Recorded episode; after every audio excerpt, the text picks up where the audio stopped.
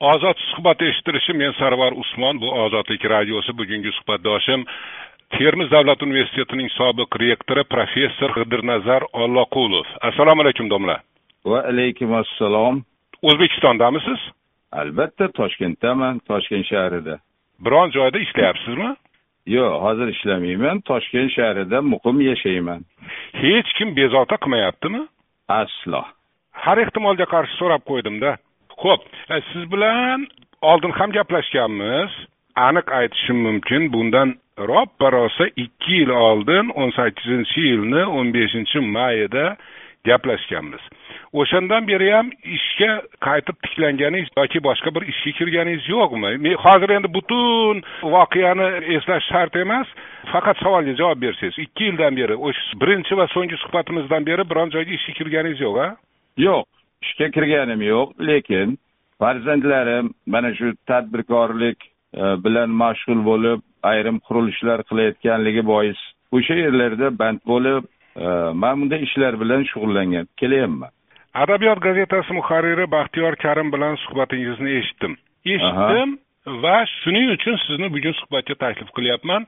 U yerda prinsipda xafa bo'lmang yangi gap aytganingiz yo'q hop siz mamlakatni bugungi ahvoliga iqtisodiy baho bergansiz va ancha muncha bu masala bilan shug'ullanganlar bilishi mumkin edi.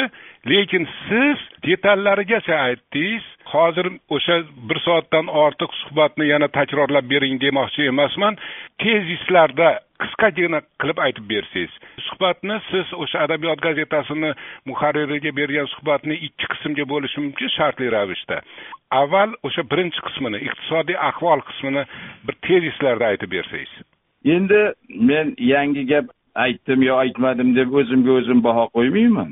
Lekin men bir iqtisodchi bir olim sifatida o'zimning salohiyatim doirasida va darajasida e, bir tahlil qilganman mamlakatning iqtisodiy holatini va xalqimizning moddiy ahvolini va shundan kelib chiqib man xolis rasmiy mamlakatdagi rasmiy idoralarning e, xalqaro tashkilotlarning mana shu raqamlari asosida bir tahlil qilishga intildim va o'zimning tahlilimdan kelib chiqib o'zimning xulosalarimni va tavsiyalarimni aytdim.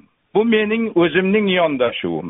Boshqa bir olim deylik o'zining uslubi bo'yicha yondashar man shundan kelib chiqib mamlakatning ahvolini iqtisodiy holati naqadar qaloqligini nachorligi haqida xulosa qildim. Keling bir necha raqam keltiring. O'sha qashshoqlik darajasi va hokazolar.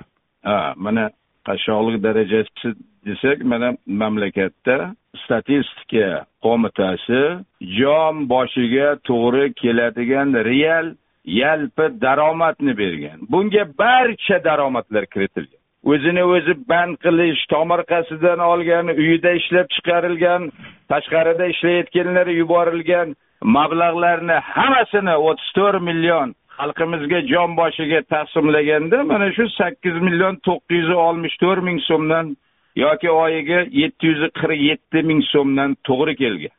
Ular aytyapti mana shu e, o'tgan o'n to'qqiz ikki ming o'n to'qqizinchi yilda bir dollarga nisbatan so'm sakkiz ming sakkiz yuz o'ttiz to'qqiz so'mni tashkil etdi deyapti. O'rtacha ikki ming o'n to'qqizinchi yilda. Demak shu hisobdan jon boshiga to'g'ri keladigan yalpi daromad mamlakatimizda sakson to'rt yarim dollarni tashkil etyapti.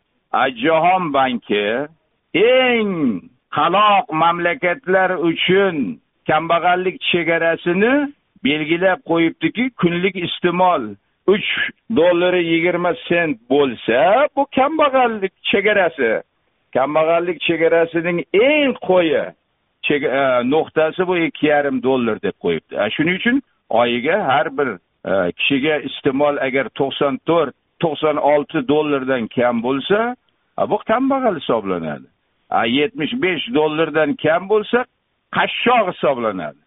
Shunday sharoitda o'rtacha mamlakatimizni aholisi jon boshiga to'g'ri kelayotgan daromad sakson to'rt yarim dollarni tashkil etyapti. A bu degani kambag'allik bilan qashshoqlik darajasi o'rtasida to'g'ri kelyapti deganni bildiradida. O'zbekiston aholisini qancha foizi o'sha qashshoqlik darajasida? Sizni hisob kitobingiz bo'yicha. Ha mening hisob kitoblarim bo'yicha mana yetmish yetmish besh foizi aholining yigirma uch yigirma besh millioni mana shu qashshoqlik darajasida kun kechiryapti. Aholining yetmish yetmish besh foizi qashshoqlik darajasida kun kechiryapti dedingiz.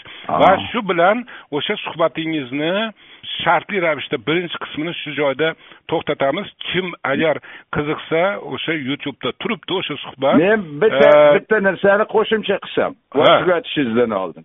Bu biz insonlar e, mana qo'ni qo'shnimizga qarab mahallada yashayotganiga qarab ham holatimizni e, o'zimiz baho qo'yishimiz mumkin. Har bir inson o'zining subyektiv bahosini qo'yadi o'zining moddiy mavqeiga lekin men aytayotgan ma'lumotlar bu xalqaro tashkilotlar o'rnatgan chegara bu. Va shunga asosan men xalqaro tashkilotlar belgilab qo'ygan chegaraga o'sha to'qson olti dollar va yetmish besh dollar chegarani belgilab qo'yibdi. To'qson olti dollar bu kambag'allik chegarasi va kambag'allikning eng quyi nuqtasi bu e, yetmish besh dollar deb qo'yibdi. Oyiga bu oyiga. Oyiga.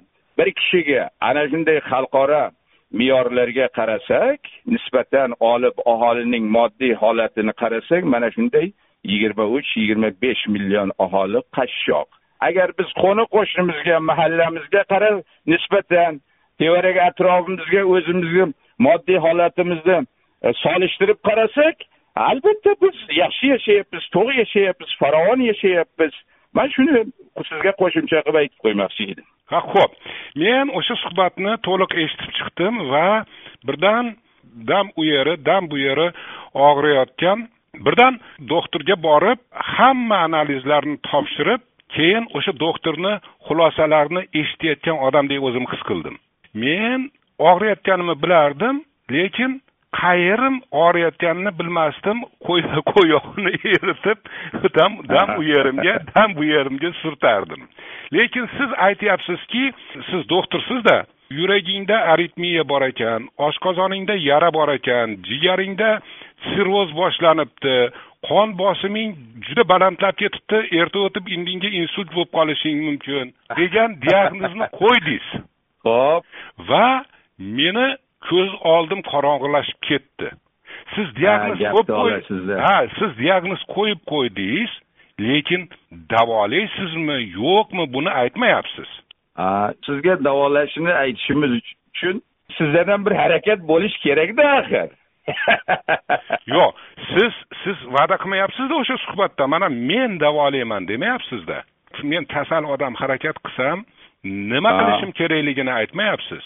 Nima qilish nega aytmayapman nega aytmayapman men aytyapmanki sarvar aka hmm. siz nihoyatda ustomon jurnalistsizda. Gapni shunaqa aylantirib kelasizki odamni mani bo'g'ib qo'yasiz ayrim vaqtda yo'q bo'g'ayotganim yo'q men savol beryapman. yo'q yo'q savolingizni tagida naqadar qitmir savol turganligini man sezdim. Nega aytmaganman va hozir ham aytaman. Ayting. Mana shu ayting. mana shu mana bizning elimizning millatimizning mana shunday kambag'allikda qashshoqlikda kun kechirayotgani asosiy sababi bu.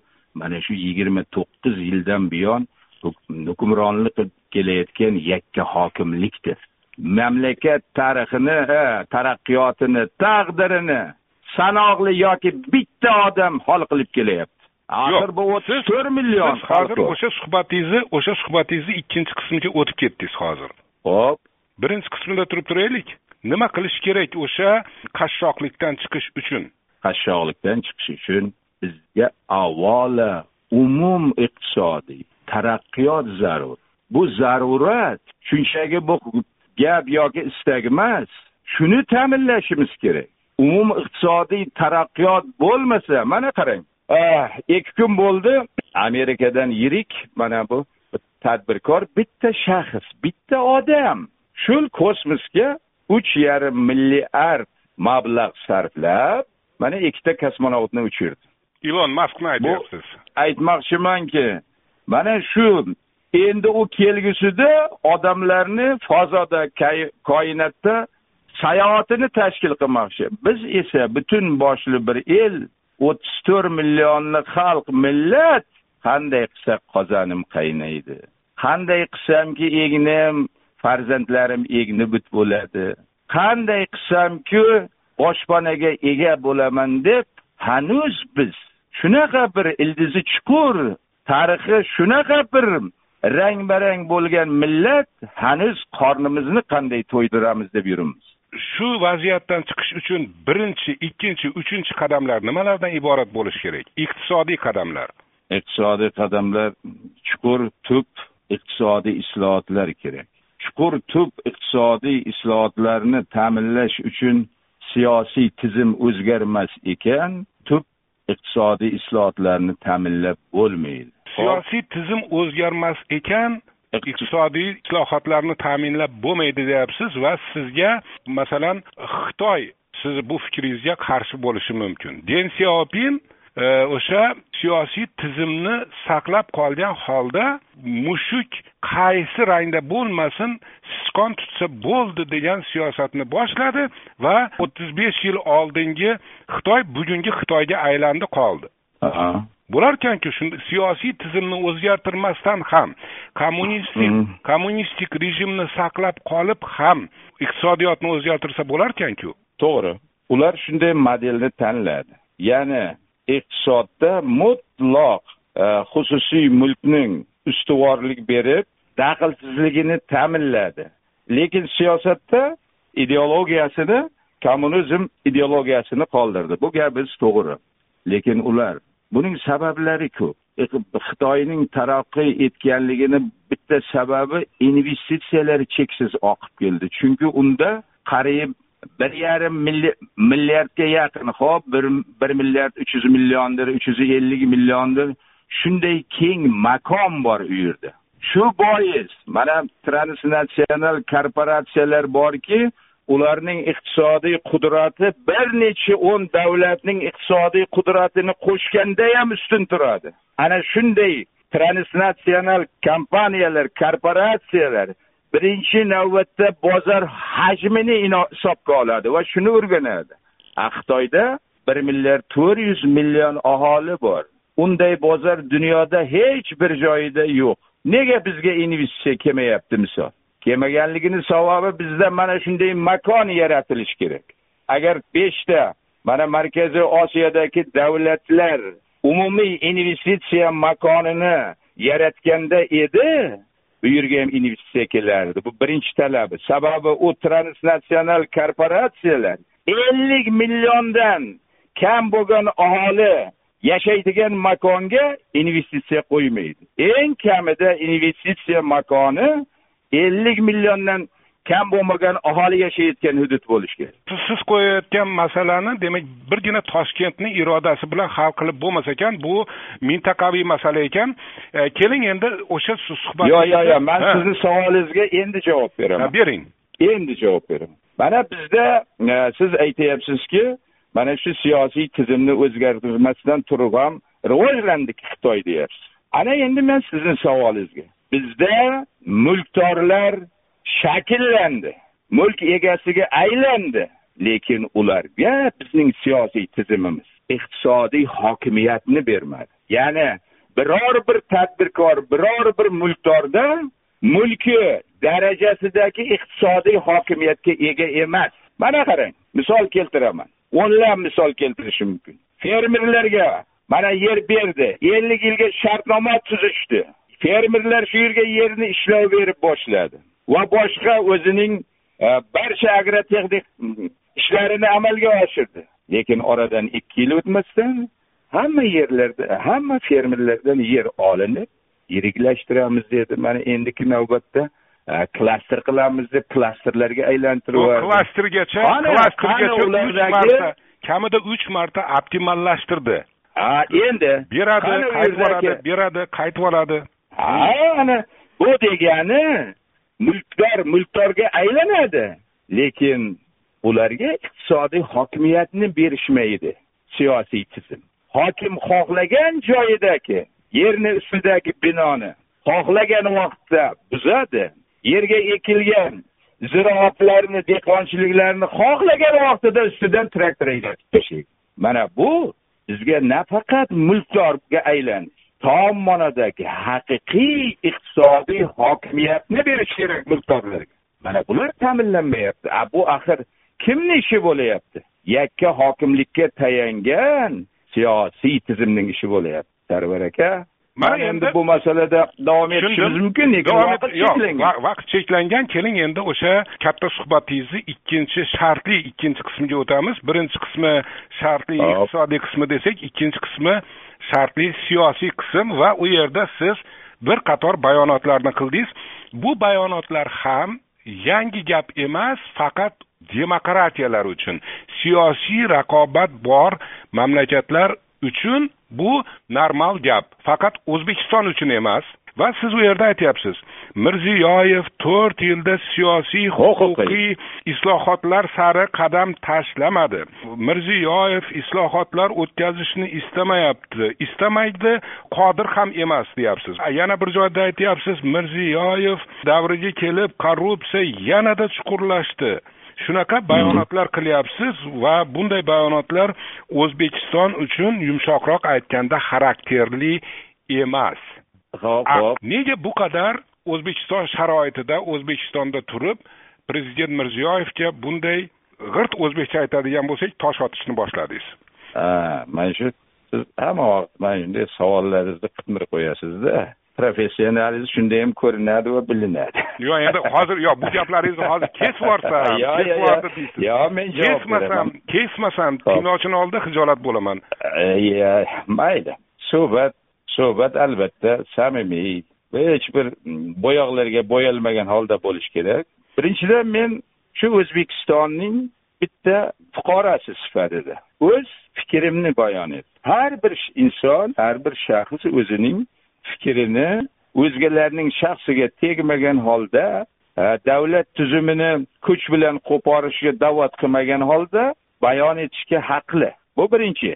Ikkinchi masalaga kelsak nega endi men o'zimning shu vatan shu mm, o'zbekiston prezident kabi uning atrofi kabi va komandasidagilar kabi va boshqa boshqa shaxslar kabi bu mening ham zaminim mening ham ona vatanim. Mening ajdodlarim yashagan va men yashayapman va mendan keyingi avlodlarim yashaydi. Man bu zaminning bu vatanning bu o'zbekistonning bu taqdiriga befarq emasman. Agar shu o'zbekistondagi o'ttiz to'rt millionli el xalq bo'lsa kosasi oqarsa mening va mening avlodlarimni ham kosasi oqaradi. Shu el farovon yashasa shu elning tarkibida bo'lgan mening ham avlodlarim farovon yashaydi va ayri holatda alohida holatda yashay olmaydi. Shuning uchun men fikrlarimni aytganman. Nega? Mana to'rt yil bo'ldi prezident. Qanaqa tub siyosiy huquqiy islohotlar o'tkazdi? Mutlaq birorta tub siyosiy huquqiy islohotlarni amalga oshirmadi iqtisodiy masalaga qaytadigan bo'lsak hatto e, bir vazirlik nomiga e, kambag'allikni tugatish degan kiritdi so'zlarni. Ho'p bu so'zlar so'zlar kiritish asarlar yozish elga nima beradi? Mana kambag'allik siz aytgandek kambag'allikni qisqartirish vazirligi tashkil etilibdi deylik tashkil etildi a bu tashkil etilgani elga nima beradi? Hech yo'q karimov davridan farqli o'laroq e, efemizm deyiladi o'shandan qochildi kam ta'minlangan degan so'zni o'rniga kambag'allik degan so'z ishlatila boshladi va shu vazirlik tizimli ravishda kambag'allikka qarshi kurashar. Albatta har bir narsada xolis bo'lishimiz kerak. Xolis prezident davrida hech kim inkor etmaydiku ko'pgina sohalarda o'zgarish bo'ldi. Man buni qaytarib o'tirsam vaqt ketadi. Buni el mana sizdek jurnalistlar ko'rib bilib turibdi. Ko'pgina sohalarda ijobiy o'zgarishlar bo'lganligini hech kim inkor etmaydi. Bu mana qo'shni davlatlar bilan e, valyutani erkin konvertatsiyaga o'tilganligi masalan mana so'z erkinligi va buni qator sanash mumkin. Bunday ijobiy o'zgarishlar ro'yxatini lekin tub tub mamlakat aholisini xalqini turmush darajasini yaxshilaydigan tub o'zgarishlar amalga oshmadi. Qarang nega biz qaloqmiz? Nega? Sababi bittada asosiy o'zak sabab. Mana dunyoning barcha millat elatlari naqadar farovon yashayapti? Nima ulardan mana shunday farovon yashayotgan ellar millatlar elatlardan o'zbek xalqining qayeri kam nima? Ularda bor aql bu millatda yo'qmi? Bor farq bitta joyda. U millat elatlarda aqllarni iste'dodlarni qobiliyatlarni amalga oshirish yuzaga chiqarishda erkinlik yaratilgan. Erkinlik berilgan va shart sharoitlar yaratilgan. A bizda shu aqlni shu qobiliyatlarni ishga solish amalga oshirish. Yuzaga chiqarishda erkinlik yo'q. Shuning uchun biz orqadamiz tushundim. Yana bitta savol. Endi ozodlikka suhbat berishni chidaganga chiqarganda shuning uchun shuning uchun shuning uchun chidaysiz yana bitta savol bilamizki termiz davlat universiteti rektorligidan noqonuniy ishdan olingansiz va bu xalqaro darajada bmtning inson huquqlari qo'mitasi darajasida sizning ishdan noqonuniy olinganingiz tan olingan va o'zbekiston hukumatiga sizni huquqlaringizni qayta tiklash tavsiya qilingan. Shunga qaramasdan mana hanuz ishsizsiz.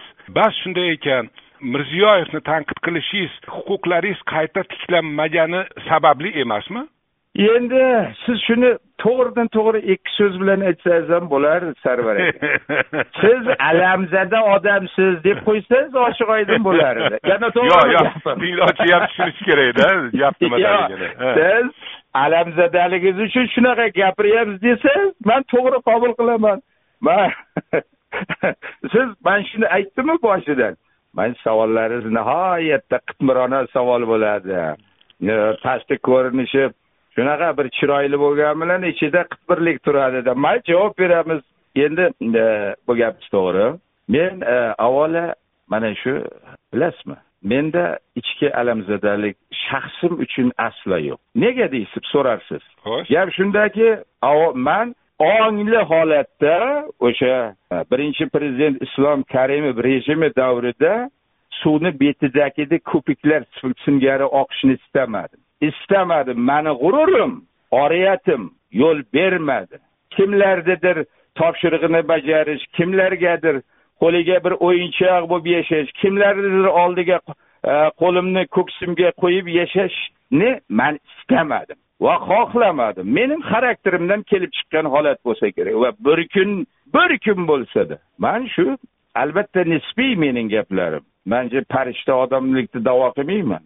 Manda ham gunohlar Э, yil qatari ortiq yetarli bo'lsa kerak. Lekin nisbatan olib qaraganda vijdonimga qarshi borib yashashni istamadim. Shuning uchun oqimga o'sha davrning harakatlarim oqimga qarshi suzish bilan barobar bo'ldi. Ajdodlarim rahmatli otam bobolarim hamma vaqt dasturxon atrofida o'tirganda man yoshligimga bu so'zni ahamiyat bermas edim lekin singib ketar ekan. Hech kimni. Hech qachon. Xudodan o'zganizdan qo'rqmasdan yashagin. Va albatta vijdonga qarshi borib yashashni shu o'gitlardan kelib men vijdonimga qarshi yashashni istamadim. Shu el qatori el ichida yashashni istadim. Shunday sharoitda mana endi ichki alamim yo'q meni. Sabab man mana shu mamlakatda islom karimovning rejimi davrida yigirma besh yilda yagona oqlangan insonman. Demak man ichim o'zimning ichki ruhiy kuch qudratimdan tangri manga shunday ruhiy kuch qudrat berganida yana bir aytdim yigirma besh yilda elning u faollari millatim elim deb yonganlarni boshiga nimalar tushmadi deysiz? Qanchasi o'lib ketdi vafot etib ketdi? Turmalarda qanchasi quvg'inda yuribdi qanchasi vataniga kelolmayapti axiri a endi shunday sharoitda man mana shu yigirma besh yillik rejimda tangri meni g'olib qildi. Bu bir. Ikkinchidan shu hukumat bilan men xalqaro miqyosda sudlashib o'sha xalqaro maydonlarda ham yutib chiqdim. Nega endi manda ichki bir alamzadalik bo'lishi kerak ekan? Qani o'zingiz ayting. Tangri menga shunday mana shunaqa yutuqlarni shunaqa o'zimni amalga oshirish o'zimni kimligimni ayon etish imkonini berganda manda bo'lishi mumkinmi axir ichki? Alamzadalik. Men so'radim siz javob berdingiz meni ishim so'rash. Ho'p yana ikkita savolim qoldi yana ikkita savolim qoldi. Siz o'sha suhbatingizda e, o'zbekistondagi saylov tizimini tanqid qilgansiz. Sarvar aka kechirasiz kechirasiz. Boyagi so'zimni siz uzdingiz qaysi so'zni qaysi so'z nihoyatda talantsiz bu sohada men ikki og'iz so'zimni aytay boyagi joyda. Menda alamzadalik bor. Ha gapiring gapiring. xalqning elning ahvoli uchun alamzadalik shu elning tarkibida bo'lgan hozirgi va kelgusi avlodlarim uchun alamzadalik bor. Nega ular mana bunaqa shunday adolatsiz haqiqat ta'minlanmagan qaloqlikka yuz tutgan mamlakatda yashashi kerak ekan yoki kelgusi avlodlar shunday jamiyatga tug'ilar ekan. Axir ular bizga ya bu ajdodlarimizni tarkibidan ichidan hech bo'lmaganda qalbida yuzaga chiqarmasdan bizga shunday adolatsiz shunaqa qaloq shunaqa qashshoq jamiyatni muhitni qoldirgan ajdodlarimizga la'nat deyuvchilar axir. Bo'lmaydimi bo'ladi. Shunday ekan mening alamzadaligim nega bizning mening mana avlodlarimiz millatning yoshlari nega xorzor bo'lib yuribdi? Nega bugungi kunda chegarada minglab to'proqlarda yonboshlab ochiq havoda yomg'irda chang to'zonda tagida yotibdi? Mani mana buning uchun menda alamzadalik. Nega shunday o'ttiz to'rt millionli millatni elni xalqni kimlar axir boshqaryapti hattoki ular tarkibida prezidentdan keyingi turuvchi umr bo'yi mirza bo'lib kelgan. Hayotida to'rtta odamni biror bir muassasa tashkilot yoki boshqarib ko'rmaganlar qo'lida millat taqdiri xalq taqdiri turibdi. Nega ularni qo'lida? Axir mana shuning uchun men nega millatning oydinlari nega millatning yonib turgan yoshlari o'g'il qizlari chetdayu nega o'zining tor manfaati yo'lida faoliyat qilayotganlar taqdiri e, o'ttiz to'rt million xalqning taqdiri ular qo'lida. Mana buning uchun men. Menda alamzadalik bor. Shuning uchun shaxsiy alamim aslo yo'q. Man hayotimdan roziman. Mana shu o'zimning adolatimni haqligimni mamlakat ichkarisidan xalqaro maydonda ham o'rnata olgan insonman. Millat uchun el uchun alamzadaligim ko'p. Ana shuni aytmoqchi edim tushundim. So'nggi ikkita savol qoldi. Qisqa javob bersangiz ham bo'laveradi. Hop. O'zbekistondagi saylov tizimini tanqid qilgansiz o'sha suhbatingizda va siyosiy partiyalar tuzish mustaqil siyosiy partiyalar tuzish kerakligini aytgansiz. Sizda shunday bir rejangiz bormi partiya tuzish? Bilasizmi? Mana shu mamlakatning millatning moddiy holatini uning erkini. Man shunday qalbimda bugun kecha e, besh yil oldin emas mana shaxs sifatida inson sifatida shakllanish jarayonida odamda nafaqat o'ziga avlodlariga va millatiga nisbatan ham har xil ezgu e, tuyg'ular kelaveradi. Menda qalbimda hamma vaqt bo'lgan. Hamma vaqt shu millatga xizmat qiladigan vatan taraqqiyotiga xizmat qiladigan haqiqatga xizmat qiladigan shunday bir uyushmalar tuzilsa man ham ishtirok etsam yoki mening ham o'zim shunday xalqning ichidan pastdan tuziladigan shunday tashkilotlar tuzsak degan fikr kelgan. Lekin bugungi kunda mana shuni amalda qilish kerak degan qat'iy fikrga kelganman masalan mana menda hozir haqiqat va taraqqiyot sotsial demokratik partiyasi tuzish rejasini bevosita amalga oshirish degan fikrga kelganman. Va bu sohada men mana shu toshkent shahridagi va atrofidagi yetakchi atoqli olimlar bilan shoirlar yozuvchilar dramaturglar tadbirkorlar yosh yigit qizlar bilan bu forada fikrlar almashdim suhbatlashdim. Shuning uchun man buni e, amalda shunday partiya yaratishga kirishishga qat'iy qaror qilganmiz. Tushundim. Endi eng so'nggi savol. Ho'p prezidentlikka nomzodingizni ko'rsatasizmi albatta siyosiy partiyaning mana shu ilg'or g'oyalar asosida dasturi yaratildi. Shunday g'oyalar bizda bor. Shu mamlakatimizni taraqqiyotini ta'minlaydigan mamlakatda yurtda haqiqatni qaror toptiradigan shunday ilg'or g'oyalarga ega olimlar yozuvchilar dramaturglar shoirlar mana shu yaqin shaxslar bilan yaqin insonlar bilan mana bunday fikrlashib shunday ma'lum bir g'oyalarga kelganmiz. Albatta ular kelgusida ishlov beriladi yana izlanadi e, va oqibatda yana e, yangi g'oyalar kelib qo'shiladi. Endi siyosiy partiyaning u fikri jamiyat taraqqiyoti bo'yicha fikri o'xshash yoki yaqin shaxslarning uyushmasi bo'ladi. Shu g'oyalarni dasturlarni amalga oshirish uchun albatta hokimiyatga kelish kerak. Hokimiyat shu dasturlarni shunday ilg'or g'oyalarni amalga oshirish uchun vosita bo'lib xizmat qiladi mana qarang? Bir sotik yerni e, tomorqasiga chiqsada dehqon ha man buni bunday ishlov berishim kerak bunga bunday ekishim kerak bu yerga ko'katlar bu yerga baqlajon u yerga pomidori ekishim kerak deydi. Lekin qo'lida ketmon bo'lmasa bo'lmasa shu ishlarni amalga oshirolmaydiku hokimiyat mana shu partiyalarning dasturlarini g'oyalarini amalga oshirishda vosita bo'lib xizmat qiladi. Shu vosita bo'lmasa u g'oya u dasturlar qog'ozda qolib ketaveradi. Agar biz shunday partiya tuzishga agar xalq elimiz elim xalqim millatim deb yonib turgan yigit qizlar man o'ylayman millatimizda aksariyati shunday. Mana shular bizni qo'llasa atrofimizga uyushsak shunday partiyani tashkil etsak hozir bu partiyani tashkiliy qo'mitasini biz uchun muammo emas ellik nafardan iborat bo'lishi kerak tashkiliy qo'mita.